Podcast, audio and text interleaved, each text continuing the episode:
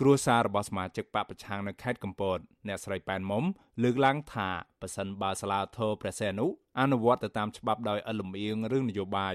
នោះអ្នកស្រីអាចនឹងរួចផុតពីការចោទប្រកាន់ហើយត្រូវបានដោះលែងឲ្យមានសេរីភាពឡើងវិញជាជាពំខានប្តីរបស់អ្នកស្រីប៉ែនមុំគឺលោកគិតយានថ្លែងប្រាប់វិសុវអាស៊ីស្រីនៅថ្ងៃទី5ខែសីហាថាប្រពន្ធរបស់លោកពុំបានប្រព្រឹត្តខុសច្បាប់ដោយការចោទប្រកាន់នោះឡើយ លោកយល់ថាការបន្តឃុំខ្លួនប្រពន្ធរបស់លោកជាលើកទី2នេះគឺមានរយៈពេលជិត1ឆ្នាំមកហើយគឺជាការធ្វើទុកបុកម្នេញផ្នែកនយោបាយលោកទទូចឲ្យសាលាឧទ្ធរព្រះសីហនុទម្លាក់ចោលបទចោទប្រកាន់និងដោះលែងប្រពន្ធរបស់លោកឲ្យមានសេរីភាពជួបជុំគ្រួសារឡើងវិញ។ ខ្ញុំសំណូមពរឲ្យលោកតុលាការតហ្នឹងចូលមកដោះលែងពួកខ្ញុំមករួមរស់ជាមួយគ្រួសារជួបជុំគ្នាវិញហើយណាមួយកូននឹកអញ្ចឹងណាកូនទាំងអស់5នាក់អាតូចជាងគេហ្នឹងវាអាយុ13ឆ្នាំមាន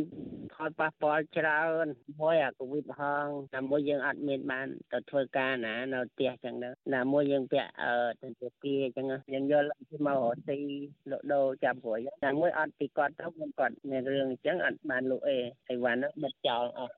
កាលពីថ្ងៃទី4ខែសីហាសាលាធរព្រះសីហនុបានបើកសវនាការជំនុំជម្រះលើបណ្ដឹងឧទ្ធររបស់អ្នកស្រីប៉ែនមុំដែលបានប្តឹងជំទាស់ទៅនឹងសារក្រមសាលាដំបងខេត្តកំពតដែលផ្ដន្ទាទោសអ្នកស្រីដាក់ពន្ធនាគាររយៈពេល5ឆ្នាំពីបទរួមគំនិតក្បត់ពាក់ព័ន្ធនឹងការគ្រប់គ្រងផែនការវិលត្រឡប់ចូលស្រុកវិញរបស់លោកសំរងស៊ីកាលពីចុងឆ្នាំ2019កន្លងទៅ នៅក្នុងពេលសវនាការនៅពេលនោះអ្នកស្រីប៉ែនមុំបានស្នើសុំឲ្យតុលាការជាន់ខ្ពស់មួយនេះជួយផ្ដល់យុត្តិធម៌និងដោះលែងអ្នកស្រីឡើងវិញព្រោះអ្នកស្រីគ្មានគំនិតនិងមិនបានធ្វើសកម្មភាពរួមគំនិតក្បត់ជាតិម្ដងណាឡើយម្យ៉ាងវិញទៀតអ្នកស្រីអះអាងថាពេលសាលាដំបងខេត្តកំពតអនុញ្ញាតឲ្យអ្នកស្រីនៅក្រៅឃុំបណ្ដោះអាសន្នតាមសំណើរបស់លោកនាយរដ្ឋមន្ត្រីហ៊ុនសែនកន្លងមនុស្សអ្នកស្រីក៏មិនដែលធ្វើសកម្មភាពនយោបាយនិងមិនដែលបំពេញបំរាមតឡាការនោះទេ ក្រោយបញ្ចប់សវនាការប្រធានក្រុមប្រឹក្សាជំនុំជម្រះនៃសាលាធរព្រះសីហនុលោកអ៊ិតសំភ័រសម្រាប់យកថ្ងៃទី19ខែសីហាខាងមុខជាថ្ងៃប្រកាសសាដីកាសំណុំរឿងនេះមេធាវីការពីក្តីឲ្យអ្នកស្រីប៉ែនមុំគឺលោកសំសកុងយល់ថាតឡាការជាន់ខ្ពស់មួយនេះគួរតែពិចារណាលុបចោលសារក្រមរបស់សាលាដំបងខេត្តកំពតដែលបានផ្ដន្ទាទោសលើកូនក្តីរបស់លោកទាំងអយុត្តិធម៌ ខ្ញុំយល់ថាឡាតូគួរតែពិចារណាក្នុងការសម្រេចឲ្យលោកស្រីបាននៅក្រៅឃុំឬក៏បានដោះលែងមានសេរីភាពហើយនឹងលុបអធិការឃុំខ្លួនដែលសាលាដំបងខេត្តកពតនឹងបានសម្រេចឃុំខ្លួននៅពេលប្រកាសសារក្រមនឹងហើយនឹងពិចារណានឹងផ្ដល់យុត្តិធម៌ចំពោះលោកស្រីប៉ែនមុំផងបាទអ្នកស្រីប៉ែនមុំគឺជាសមាជិកក្រុមប្រឹក្សាជាប់ឆ្នោតឃុំកណ្ដាលស្រុកទឹកឈូខេត្តកំពត តឡាការខេត្តកំពតបានសម្រេចឃុំខ្លួនអ្នកស្រីម្ដងរួចមកហើយចន្លោះពីខែតុលាដល់ខែវិច្ឆិកាឆ្នាំ2019អ្នកស្រីត្រូវបាននគរបាលចាប់វាយខ្នោះនិងបញ្ជូនទៅឃុំខ្លួននៅក្នុងពន្ធនាគារជាលើកទី2ភ្លាមភ្លាមក្រោយតឡាការខេត្តកំពតបានប្រកាសសារក្រមផ្ដន្ទាទោសអ្នកស្រីកាលពីថ្ងៃទី9ខែកញ្ញាឆ្នាំ2020ក៏ត្រឹមថ្ងៃទី5ខែសីហាឆ្នាំ2021អ្នកស្រីកំពុងជាប់ឃុំជិត1ឆ្នាំមកហើយ ជុំវិញរឿងនេះប្រធានសមាគមការពារសិទ្ធិមនុស្សអាត6លោកនីសុខា មានប្រសាសន៍ថាការដាក់ទោសទណ្ឌកម្មលើសកម្មជនបពប្រឆាំងរូបនេះគឺជាការធ្វើទុកបុកម្នេញផ្នែកនយោបាយដូច្នេះហើយលោកថាយុទ្ធធរតាមផ្លូវតុលាការគឺជារឿងដែលពិបាកសង្ឃឹម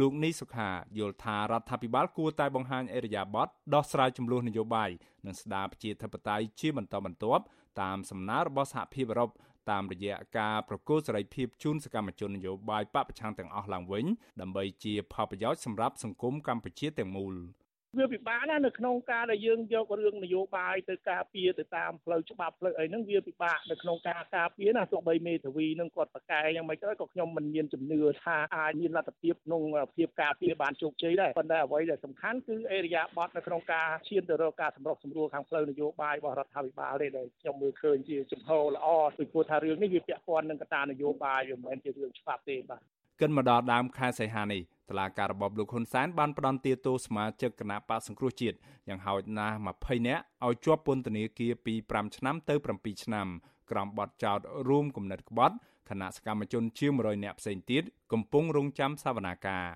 នៅក្នុងចំណោមអ្នកដែលត្រូវបានផ្ដន្ទាទោសទាំងនោះសកម្មជនមួយចំនួនកំពុងជាប់ឃុំក្នុងពន្ធនាគារដូចជាលោកគង់សំអាននិងអ្នកស្រីប៉ែនមុំជាដើមខណៈមនុស្សមួយចំនួនទៀតកំពុងភៀសខ្លួននៅក្រៅប្រទេស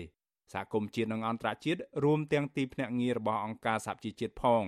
នៅតែទាមទាររបបលោកហ៊ុនសែនបញ្ឈប់ការប្រើប្រាស់ប្រព័ន្ធតុលាការដើម្បីគំទេចគណៈបពប្រឆាំងនិងទាមទារឲ្យដោះលែងអ្នកជាប់ឃុំនៅក្នុងសំណុំរឿងនយោបាយទាំងអស់ឲ្យមានសេរីភាពឡើងវិញ